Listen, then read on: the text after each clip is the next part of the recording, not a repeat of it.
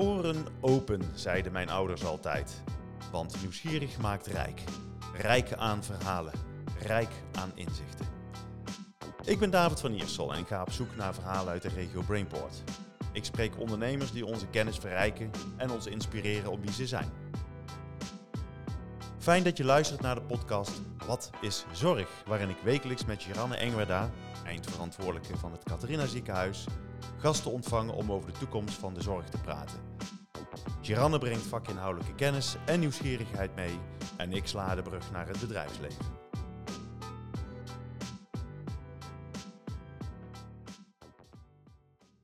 Vandaag gaan we in gesprek met Erik Korsten, onder andere hoogleraar en pensionado. Welkom Erik in uh, onze podcast Wat is Zorg? Leuk dat je er bent. Dankjewel. Wij hadden elkaar uh, ter voorbereiding van dit programma aan de telefoon en toen was jij uh, in de Marken in Italië. En toen vertelde jij ehm, over Galilei, vlakbij waar jij je vakantieadres had. En uh, voordat je gaat vertellen wie, wie je bent, moet je, moet je daar wel even meenemen wat daar dan zo bijzonder aan was. Kun je dat doen? Dat kan ik zeker doen. We hebben dat huisje in de Marken zo'n twintig jaar geleden gekocht. En uh, dat is een groot, het is een heel klein stadje, ongeveer 10 kilometer van zee. Kijk je uit over de Adriatische Zee. En daar is een, paleis wat in elke gids over de Marken staat. Niet zo groot, twee markante torens. En daar heeft Galilei gewoond, vijf jaar gewerkt en gewoond. En um, ik maakte de grap van, je voelt dat nog, die geest. Hè? Als je zo door die poort loopt, dan voel je die geest van Galilei. Maar die grap maak ik niet meer. En de reden daarvoor is dat Galilei heeft een thermometer uitgevonden. Dat is misschien, sommige luisteraars kennen die wel, een glazen staaf, een buis met vloeistof erin, een aantal ballen die zweven. En afhankelijk van temperatuurverandering in die vloeistof, verandert de dichtheid van die vloeistof en gaat een bal zakken. De, bal die blijft drijven, dat is de temperatuur. Ging op 2 graden nauwkeurig. En we hebben zo'n ding nu ook in de keuken staan. Dit is een soort levend ding, want het beweegt echt mee met de temperatuur. Wat wij doen, start-up, ik ben inderdaad pensionado. Ik was nooit met zo'n start-up begonnen. Als je gepensioneerd bent, heb je tijd. En ineens blijkt dat je alle tijd nodig hebt voor allerlei nieuwe activiteiten. Um, contact gekomen met mensen die heel verschrikkelijk gevoelig temperatuur kunnen meten. Tot een miljoenste graad temperatuurverandering met glasvezel en lasertechnologie. Fotonica is het onderwerp. Kun je heel veel mee. Maar um, toen ik dit hoorde van professor Bax, dat was de decaan van mijn faculteit, inmiddels ook met pensioen, die, um, die vertelde me dat. Dat je tot een miljoenste graad temperatuurverandering kunt meten met fotonica waar ik niks van af wist en eigenlijk nog steeds helemaal niets van af weet, maar wel van deze specifieke toepassing. En ik zei, wat je zelfs al ben je zelf hoogleraar niet tegen je decaan kunt zeggen, ik zei donder op. Dat zei ik wel na een biertje. Dat kan toch niet, een miljoenste graad temperatuurverandering. Jawel, zei hij, dat kan, dat kan wel. Dus wat Galilei 350 jaar geleden als belangrijke stap zag, 2 graden temperatuurverandering, is nu op een miljoenste graad aangekomen. En zo trof ik jou op die berg in de Marken. En ja. uh, jij in de Marken, ik gewoon hier vanuit het uh, Eindhovense. Um, mooi, dat is een mooie brug ook naar waar we straks allemaal over gaan hebben. Maar even ook kort voor de luisteraar, uh, niet om je hele biografie hier neer te gaan leggen, maar kun je jezelf eventjes duiden zodat de mensen weten met wie we te maken hebben. Ja, heel kort zal ik dat proberen. Toen ik mijn vader vertelde in 1971 dat ik medicijnen wilde gaan studeren, stuurde hij me acuut naar een psycholoog.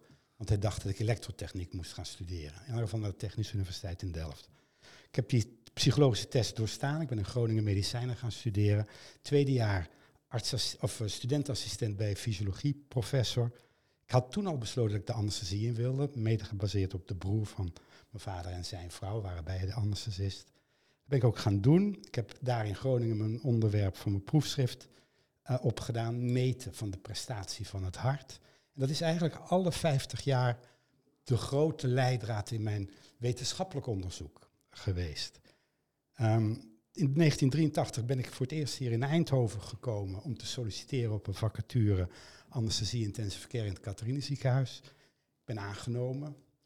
Ik ben ook tot mijn uh, pensioen in dat Catharine ziekenhuis blijven werken. Maar ik heb wel de contacten met de universiteit uh, behouden en geïntensiveerd. Wat uiteindelijk in 2000. eh, in 2000 resulteerde in een eh, hoogleraarschap.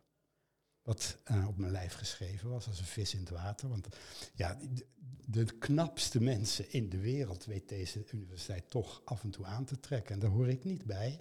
Maar ik kan wel richting geven. Een richting geven, dat is, Ja. een, mooi, dat is een mooi. Heb jij, heb jij de- dat ook zo ervaren over Erik? Is het een richting geven? Ja, Erik is eh, zeker een verbinder. Dat heb ik ook in ons ziekenhuis ge- gezien. Want dat, vertel je niet. Maar in de, in de nadagen van jouw eh, carrière, ook bij ons in het ziekenhuis, ben je, heb je ook nog de overstap gemaakt naar data. Hè? En en daar, hebben natuurlijk ook heel veel slimme mensen binnen en buiten het ziekenhuis werken die met data te maken hebben. Maar de, Erik is wel echt iemand die dan ook de, de praktijk van de zorg kan verbinden aan de technologie. En dat inspireert heel veel mensen. En dat, eh, ja, daarom ben ik ook heel blij dat Erik hier aan tafel zit. Want dat is het grote vraagstuk ook voor de toekomst. Van hoe krijgen we de technologie goed verbonden aan wat er aan de, aan de hand is in de zorg. En de mensen die daar werken Mhm. en onze patiënten. Ja. En eh, ja, daar ben jij echt een brugfunctionaris eh, in. Ja, ik herinner me dat gesprek met jou nog. Dat, ik ging met pensioen en ehm, ik, ik vond me nog te jong. Ik was, eh, toen ben ik naar jou toe gegaan. Ik, heb, ik wil wel een baantje bij Healthcare Intelligence. En, en ik doe het ook niet voor niks. Heb je toen ook gezegd. Dat vond ik ook heel bout van mezelf, want echt zakelijk denk ik niet dat ik ben. Maar jij schrok daar niet van. Je hebt vaak kennelijk met dat pijltje gehakt. En ik schreef ook op wat ik wilde verdienen. En, eh, maar wel zou ik dat, en dat deed ik, al, deed ik al eerder in het onderzoeksfonds Catharine Ziekenhuis storten. En dat was inderdaad een bruggetje, want op een gegeven moment had ik die centen nodig voor mijn onderzoek. En ik zei tegen jou van ja, ik heb dat voor, dat onderzoek, voor onderzoek geoormerkt. Mag ik het ook voor mijn eigen onderzoek? En dat was dat temperatuur, dat Galilei-temperatuuronderzoek, zou ik maar zeggen. Ja. En jij vroeg nog, ja, waarom moeten we als ziekenhuis daar geld in stoppen? Hè? Hoe moet ik dat de accountants uitleggen? Dat we geld zoeken in, in temperatuur. En toen zei ik jou van, wat is er basaler dan de temperatuur van je patiënt kennen? Ja, zeker. Nou, daar heb ik ook een vraag over. Want eh, je had het net over eh, nou, het, eh, het systeem van Galilei kan met een soort van marge van 2 graden kan hij het ongeveer wel nauwkeurig zeggen. Maar tegenwoordig kan het tot op een miljoenste. Ehm, wat is nou zo belangrijk eh, om het zo specifiek te weten? Ja, daar, daar kom je pas achter als je er echt mee aan het nadenken bent. Als je, er is, eh, in hier in midden juni is een congres over temperatuurmeting. Catharine Ziekenhuis heeft daar ook belangrijk een internationaal congres over, over temperatuurmeting. Maar bijna niemand heeft gedacht, bedacht, ook in de literatuur niet, wat gebeurt er als je op een tienduizendste graad of een temperatuurverandering zou kunnen meten. Maar als je, als je dat, dat kun je eigenlijk in een paar zinnen uitleggen. Zoals we hier zitten te praten, de temperatuur zal hier 19 graden zijn, 20 graden. Onze bloedtemperatuur is 37,5. We ademen die koude lucht in, die wordt weliswaar opgewarmd in, in, in, in de bronchiaalboom, in de luchtpijp en de kleine longblaasjes. Maar er blijft altijd een temperatuurgradient tussen het bloed en de lucht in die longblaasjes. Altijd, hoe klein ook, maar hij blijft. En als je die kleine temperatuurveranderingen constant met ademhaling kunt meten, ontstaan ineens mogelijkheden die, als je erover gaat nadenken, elk specialisme gaat mogelijkheden zien voor zijn specifieke toepassing. Bijvoorbeeld een cardioloog die bezig is met ritme, met hartsynchronisatie bij hartfalenpatiënten, die ziet meteen kansen om zijn instellingen van zijn pacemaker te verbeteren. En de intensivist, zoals ik, ziet meteen kansen om vast te stellen hoeveel circulerend bloed er eigenlijk is, hoeveel bloed er verloren is. Hoe de pompfunctie, niet alleen de samentrekking, maar ook de ontspanning, het aanzuigen van de linker en de rechter hartshelft, hoe je die kunt monitoren, proberen te verbeteren met medicatie en het effect daarvan weer te bekijken. Baby's, kinderen, kleine kinderen. Ehm, want wat we nu tot nu toe doen, hè, je zei ook, het gaat over de toekomst. Wat je nu al ziet, is dat al die dure, invasieve ingrepen met katheters en noem maar op, die zijn eigen complicaties hebben, maar niet alleen de complicaties, de verkeerde conclusies op grond van die gegevens. Er wordt eigenlijk heel weinig over geschreven, omdat je het ook niet weet. Maar ik ben ervan overtuigd dat een aantal dingen die we in het verleden gedaan hebben, hebben geleid tot eh, verkeerde conclusies. En die verkeerde conclusies tot verkeerde behandeling en verkeerde uitkomst. Mhm. Maar zeg je nou Erik dat je door het steeds preciezer te meten, je ook eh, steeds preciezer en beter kan behandelen? Daar ben ik van overtuigd. Ja, Hè? Want dat is natuurlijk een van de vraagstukken waar we voor staan met z'n allen. Van dat je zegt van goh, welke behandeling doe je wel en doe je niet en hoe doe je het zo goed mogelijk eh, Ja. Meteen goed eigenlijk. En, en verwacht je met deze nieuwe technologie binnen het ziekenhuis in ieder geval dat we eh, veel specifieker kunnen gaan zijn in wat we wel en niet doen op welk moment. ja, het begint met de eenvoud. Het klinkt misschien geweldig complex op een tienduizendste graad verandering meten. Maar wat er gebeurt is een glasvezeltje met aan het tipje zijn er een paar letseltjes met een laserstraal ingebrand. Die glasvezel gaat erin, dat noemen ze een tralie. Een bepaalde frequentie kan er niet doorheen, die wordt teruggeketst. Alle andere wel, maar verandert die glasvezel maar een heel klein beetje van afstand, en dat zijn werkelijk mini, mini, minimale veranderingen, dan weet je die verandering in temperatuur, die worden vertaald in temperatuurverandering. Grote voordeel is, het is niet elektronisch, het gaat letterlijk met de snelheid van het licht en je meet daar waar het gebeurt. Met al die elektronische apparaten die we in het lijf stoppen, om het zo maar grofweg te zeggen, die katheters, daar wordt elektronisch naar versterkers, naar filters, naar, er worden allerlei veronderstellingen gedaan wat er gebeurt. En je krijgt uiteindelijk berekening op berekening op berekeningen en alleen maar fouten. Heel veel fouten. Maar ik als, als leek eh, ga misschien een rare vraag stellen, maar hoe eh, een katheter weet hoe dat eh, ingebracht wordt, maar hoe eh, wordt dit dan ingebracht? Hoe wordt het, wordt het aan de buitenkant gedaan of dat- gescand? ja, of, ja, nee, nee, eh, nee. Het is een glasvezeltje. Mijn, de eerste proef, ik ben daar eigenlijk wel trots op. Arthur Bouwman heeft bij mij in dat bedrijf in Alkmaar, die ondernemer, Pim Kat, Technobis, echt een ondernemer avant la lettre met Ton Baks, de- de- mijn decaan. Die waren echt ja. 15 jaar geleden met die fotonica begonnen. Ehm, in het bedrijf, ik heb dat eh, aan de voorzitter van de ethische commissie gevraagd, kan dit? En die zei, wat jij in je vrije tijd doet, moet jij doen. Dus in dat bedrijf kreeg ik een infuus in, op mijn handrug. En de glasvezel, die fotonische glasvezel, lag op mijn huid, boven mijn slagader, in de andere hand. En Arthur spoot mij 10 cc zout in, koud, koude vloeistof. Iets wat we tientallen keren per dag bij, bij patiënten doen. Maar nu zat die sensor dus buiten het lichaam en op die slagader.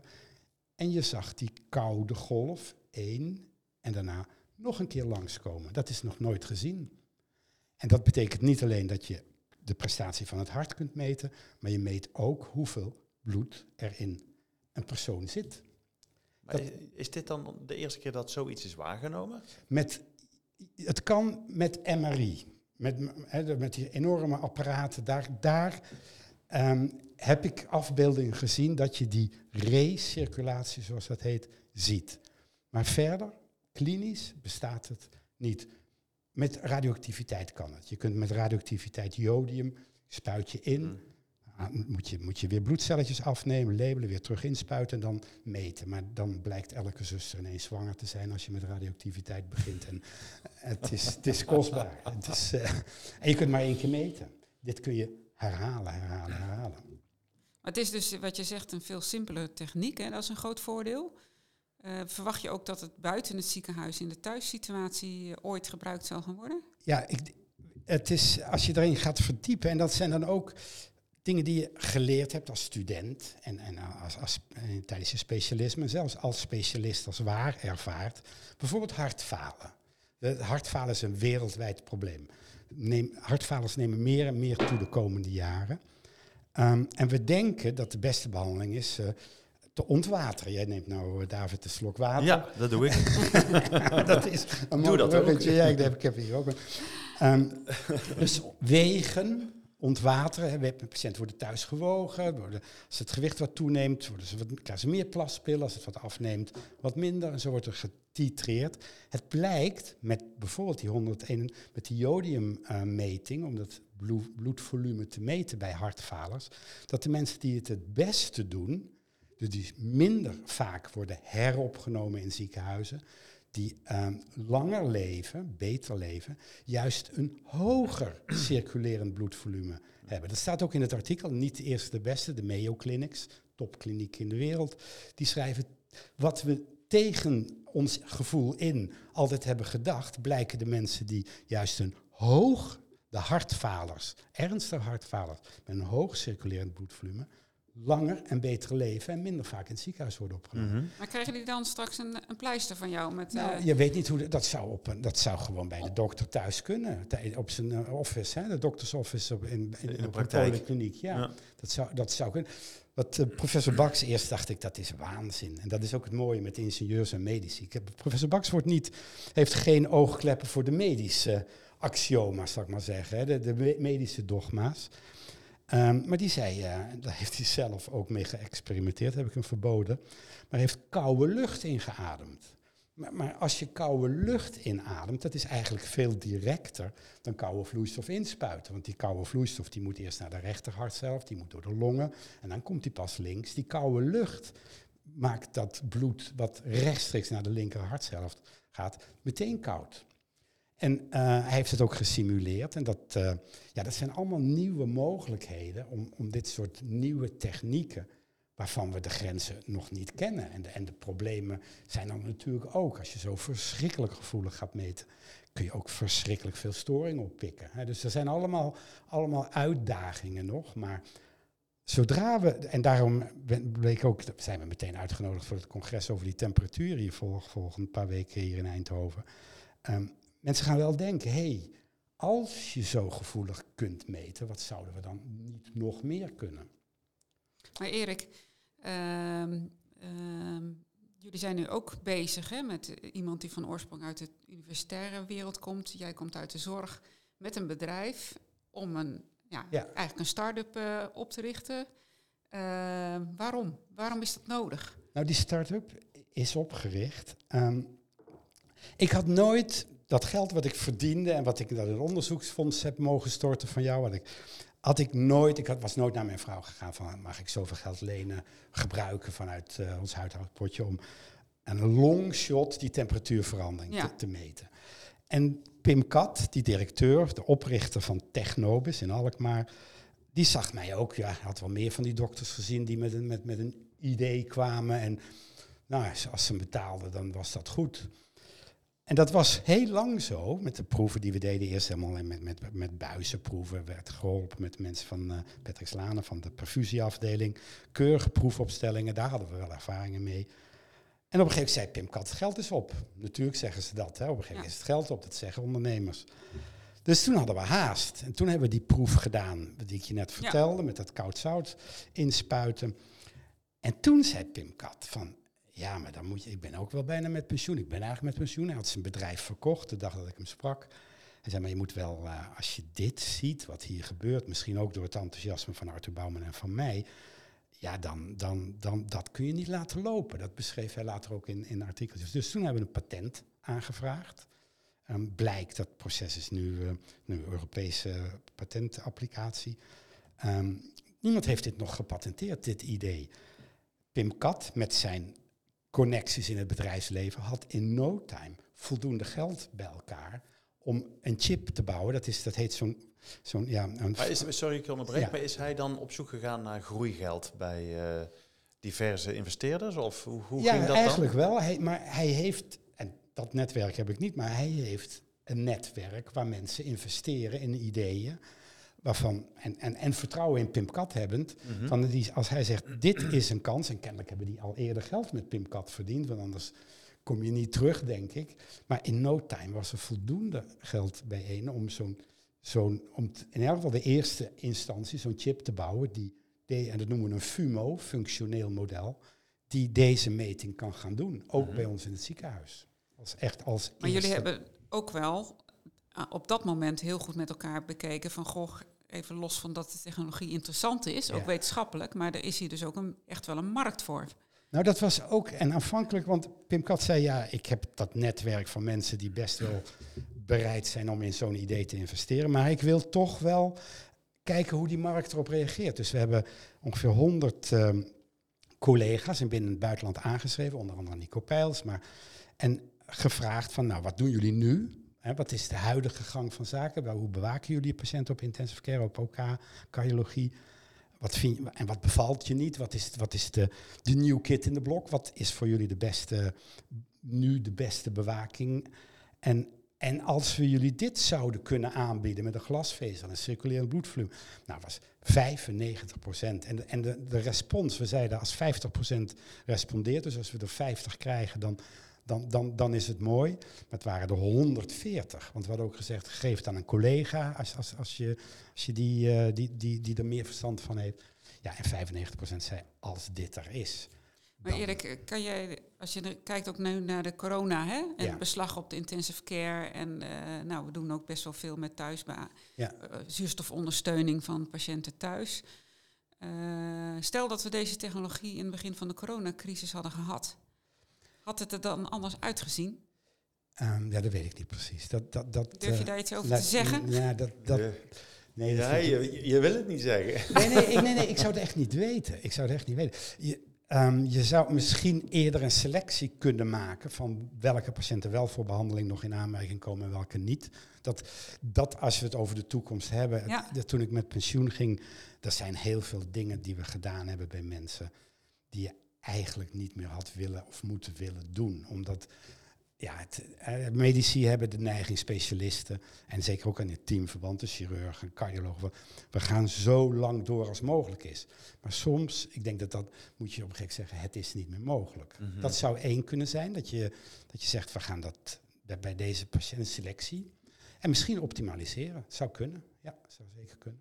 Ja, en misschien ook uh, omdat het, wat je zegt, een wat simpele technologie Ja, is. op afstand. Op afstand en Ja. niet per se op een intensive care, maar Ja. of in de kliniek. Of, eh, Zou kunnen. ja. Kijk, dat hartfalen vind ik echt een mooi voorbeeld. Dat, dat, dat had je niet bedacht. Dat je juist veel meer bloed moet hebben bij een hartfaler in, in, in zijn lichaam. Want iedereen zat nog op de lijn. En dat zal zeker weer discussie geven. Hè. Dan wordt het in onderzoek weer in twijfel getrokken en, en noem maar op. Uh, maar zo zijn er meer voorbeelden waarvan je denkt van... Zo is het, maar het blijkt later toch echt anders te zijn. Mhm. En als je beter kunt gaan meten, beter kunt gaan monitoren, met minder risico en natuurlijk met minder kosten, ga je toch nieuwe dingen ontdekken. Dat zei Pim Kat overigens ook. Je gaat met die fotonica zaken zien die je gewoon niet begrijpt. Hey, wanneer, en wanneer komt het op de markt? Ja, ja, ja, ja, ja. Ehm, ik hoop echt, die FUMO zou dit jaar, dus dat functioneel model, Ja. zou dit jaar kunnen, kunnen, er kunnen zijn. En dan kunnen we, dan gaan we, er is hier bijvoorbeeld, er is ook een spin-off van de, van de TU, dat is LifeTech. Die hebben kloppende, die hebben kadaverharten, varkensharten, daar hebben we er genoeg van in, eh, in Brabant. Maar die hebben ze dus in het slachthuis weer kloppend kunnen krijgen. Eigenlijk dezelfde soort techniek als harttransplantatie bij de mens. En hier bij het station hebben ze een prachtig laboratorium met slokdarm-echo. Daar zit geen slokdarm meer in, maar die proop zit tegen de boezem van het hart. Net zoals wij dat doen eh, bij de levende mens. En die kunnen alle mogelijke proeven doen ehm, met, met, met, met die circulatie, met een Mhm. kloppend hart. Dat zal stap 1 zijn. En dus daarna hoop ik van onze ethische commissie en bij gezonde vrijwilligers is dat makkelijker te verkrijgen dan bij patiënten. Toch als eerste te kunnen laten zien van dit werkt bij de Mhm. mens. Dit, eh, en dan zul je, ben ik van overtuigd, een proliferatie zien van mensen die denken, dit willen we ook. Dit, dit, dit, dit is zo grensverleggend. Dit, Het zijn eigenlijk nieuwe, nieuwe oren en ogen voor eh, ja, ja, oh, specialisten? Ja. denk ik. Ja, en misschien, ja, en, en, en nurse practitioners, want verpleging onderschat die ook niet. Ja. Jij weet hoe het is Ja. in een ziekenhuis. Er liggen 40 patiënten Ja. op een afdeling s'nachts met twee zusters, waarvan één leerling. Hoe, hoe moeten die, die, die zitten ook eh, te bibberen af en toe. Van, ja, Ja, er is iets, het ik- en ik- het is niet pluis, ik durf de baas niet te bellen. Maar als je kunt meten, zeg hé, hey, dat is nou, ze- ze- hè, dit en dit is er aan de hand. We zien dat zijn bloedvolume kan stiekem bloeden. Op een gynaecologieafdeling, iets wat je niet meteen voor de hand liggend, bepaalde operaties, niet eens zulke grote, laparoscopische galblaas, ik noem maar wat. Als die nog in het ziekenhuis ligt, die gaan al vaak naar huis. Maar Maar staan we nou op het punt van een, eh, een nieuwe innovatie? Dat je denkt van nou, er staat nou iets te gebeuren op de vooravond van iets moois. ja, Ik heb het idee dat ik als ik je pretogen bekijk, dat, eh, dat, dat je eh, eigenlijk meer weet dan dat je nu zegt. Nee, nee, nee, nee, nee. Ik, ik, ik, ehm, het is, ehm, als het maar de helft waar is wat professor Bax, die ik heel hoog eh, in tel heb, heeft gemodelleerd, dan is dit een revolutie. Ja. Als we dit waar kunnen maken. Maar er zijn veel alsen. Er zijn veel, eh, ook de, regu- de regulering van wanneer mag je zo'n apparaat op de markt gaan zetten. Mhm. We zijn met een bedrijf nu bezig om die C, een CE-markering te krijgen. Want dat zeggen de zakelijke lui binnen ons bestuurtje. Mhm. Die zeggen, ja, als je geen CE-markering hebt, kom je nergens. Dat zijn allemaal, er zijn, eh, en dat bedrijf die zei ook, er zijn, je hebt bij wijze van spreken zes cirkels. En elke cirkel in zo'n innovatieproject moet kloppen. Hè, de financiën, legaal, het moet werken, het moet veilig zijn. Noem maar, noem maar, het zijn zoveel dingen die in elkaar grijpen. Ik hoop natuurlijk wel. Het zou de kroon op mijn werk zijn waar ik in 1971 mee begonnen ben bij, als En studentassistent. dan ben je met pensioen gegaan. En dan heb je toch dadelijk toch een, een, een klapper te pakken, dat wil je niet weten. Ja, mijn doel is niet die klapper. Ik zou echt, en da, da- daar is professor Pijls mijn, mijn voorbeeld, die heeft in, in New England Journal of Medicine gepubliceerd. Ik zou met dit, deze vondst wel in zo'n eh, tijdschrift willen publiceren. Dat gezegd hebbende, als dat lukt, dan staat de industrie natuurlijk ook op de stoep. Dat denk ik. Maar, maar denk je dat, dat er ergens anders op de wereld niet eh, andere mensen ook eh, volop ermee bezig Ja, zijn? die ideeën zitten natuurlijk in de lucht. Het, dat, dat, dat is natuurlijk altijd zo. Koude lucht, toch? Of niet? Eh, Ja, ik kan koude lucht zeggen, warme lucht zeggen. Ja. Nee, maar die ideeën... Maar niemand heeft dit nog gepatenteerd. Dus dat is beveiligd. Ehm, en, en, en weet je, het zou me niet eens zoveel uit kunnen maken. Als een ander komt en doet het beter, prima. Mhm. Dat, dat zou... dat is het mooie als je met pensioen bent. Hè. Je bent daar niet zo... Je krijgt maar een AOW en zo, dus dat komt Maar wat doet dit met jou, eh Geranne? Want dit is natuurlijk, je- ja, jullie kennen elkaar wel een beetje, maar dit is natuurlijk best wel eh, vernieuwend, zullen we maar Het zeggen. is zeker heel erg vernieuwend. En eh, ik vind het altijd heel inspirerend om met Erik in gesprek te zijn. En ik, ik probeer me voor te stellen wat het straks in de praktijk gaat doen. Hè? En daar, Mhm. daar krijg ik wel steeds meer beelden bij. Maar ik, ik hoor Erik ook wel zeggen van nou, we moeten ook niet te vroeg juichen. Want er zijn ook Nee. nog best nog heel veel stappen te zetten. Ja. En het is precies wat jij zegt. Het moet ook echt veilig zijn. Eh, mensen moeten er ook mee leren werken. Ja. En het is waarschijnlijk technologie die in andere apparatuur ook ingebed gaat worden. Dus het, misschien duurt het ook nog wel tien jaar. Ja, Ehm, maar het feit dat je eh, steeds beter dingen kan meten en steeds eh, eh, ja, ook op een eenvoudige ding- manier dingen kan meten. En inderdaad niet meer met een MRI of andere complexe apparatuur. Dat helpt ons wel om de zorg eh, ja, nog beter te maken en eh, ook, ook makkelijker. En ik hoop ook meer thuis. Hè? Ja, ja, zeker. Nou, we zijn hier bij Wat. Hè? Dit, dit, dit is een hele inspirerende omgeving, waar, hoe jullie hier met allerlei mensen eh, bezig zijn. Maar Eindhoven is ook een hele inspirerende omgeving, juist ook op het gebied van fotonica. Alle fotonica in Nederland is geconcentreerd hier in, hier in Eindhoven. 1,1 miljard is er in april door het Groeifonds Nederland in deze regio terechtgekomen. Mhm. Wat enorm veel activiteiten weer tot gevolg zal hebben. Het feit dat hij hier terechtkomt kwam natuurlijk ook al omdat er al zoveel activiteiten waren.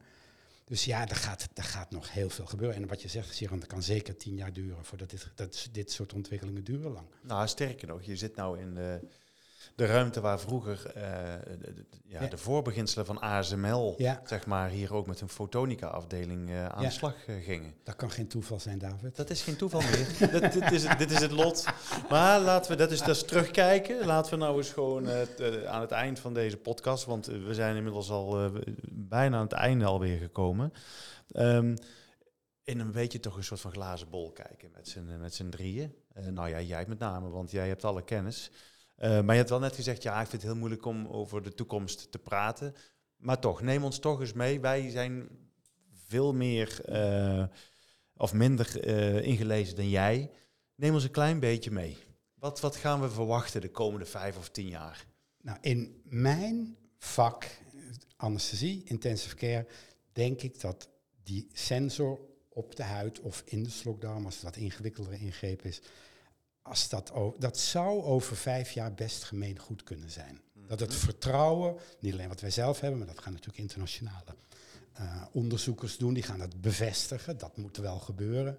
Maar dan, ja, dan, dan kan het ook heel snel gaan. Ik herinner me bijvoorbeeld de eerste laparoscopische ingrepen, de chirurgie. Hè. Op een gegeven moment begonnen chirurgen van, die van, die, van die buizen in buiken te stoppen en gingen galblazen eruit halen via hele kleine incisies. En wij hadden een van de voorlopers, dokter Jakimovic. Binnen een half jaar deed de hele wereld het. Dat kan heel snel gaan. Mhm. En de techniek, de glasvezel en die chips, die kosten heel weinig. Dus dat zijn. ehm, het zou best snel kunnen gaan. Als, als bijvoorbeeld ook verpleging, als je zegt van ja, maar hier vertrouwen we op. Dit, dit, dit, dit is zo makkelijk, zo mooi. Eh, ja, en dan cardiologen, dan gaan andere specialisten, kinderartsen, die gaan zeggen, hé, hey, dit is toch wel mooi. En dan kan het snel gaan. Nou, dat is een mooie blik op de toekomst. En ik moet ook zeggen aan het einde van deze podcast dat ik iets moet eh, opbiechten. Want ik, eh, ik vind alles wat over aders gaat, vind ik heel eng. Ja, ja, ja. En zelfs zo eng dat ik mijn vader altijd papa heb genoemd. Want in het woord vader zit het woord ader. En dus ik, Maar deze ligt erop, hè? Deze, deze erop. ligt erop. Dus ik hoop doet leven. En eh, dus wat mij betreft, eh, ik moet nog even goed volhouden. Maar eh, ontzettend fijn dat je hier wilde zijn in onze aflevering van Wat is Zorg. Dus dank je wel voor jouw komst, Erik. Leuk. Eh, Bedankt voor de uitnodiging. Dat is eh, heel graag gedaan. Tot zover deze aflevering van Wat is Zorg. Dank voor het luisteren. Blijf ons volgen op LinkedIn en Instagram en deel vooral je luisterervaring, zodat ook jij anderen inspireert.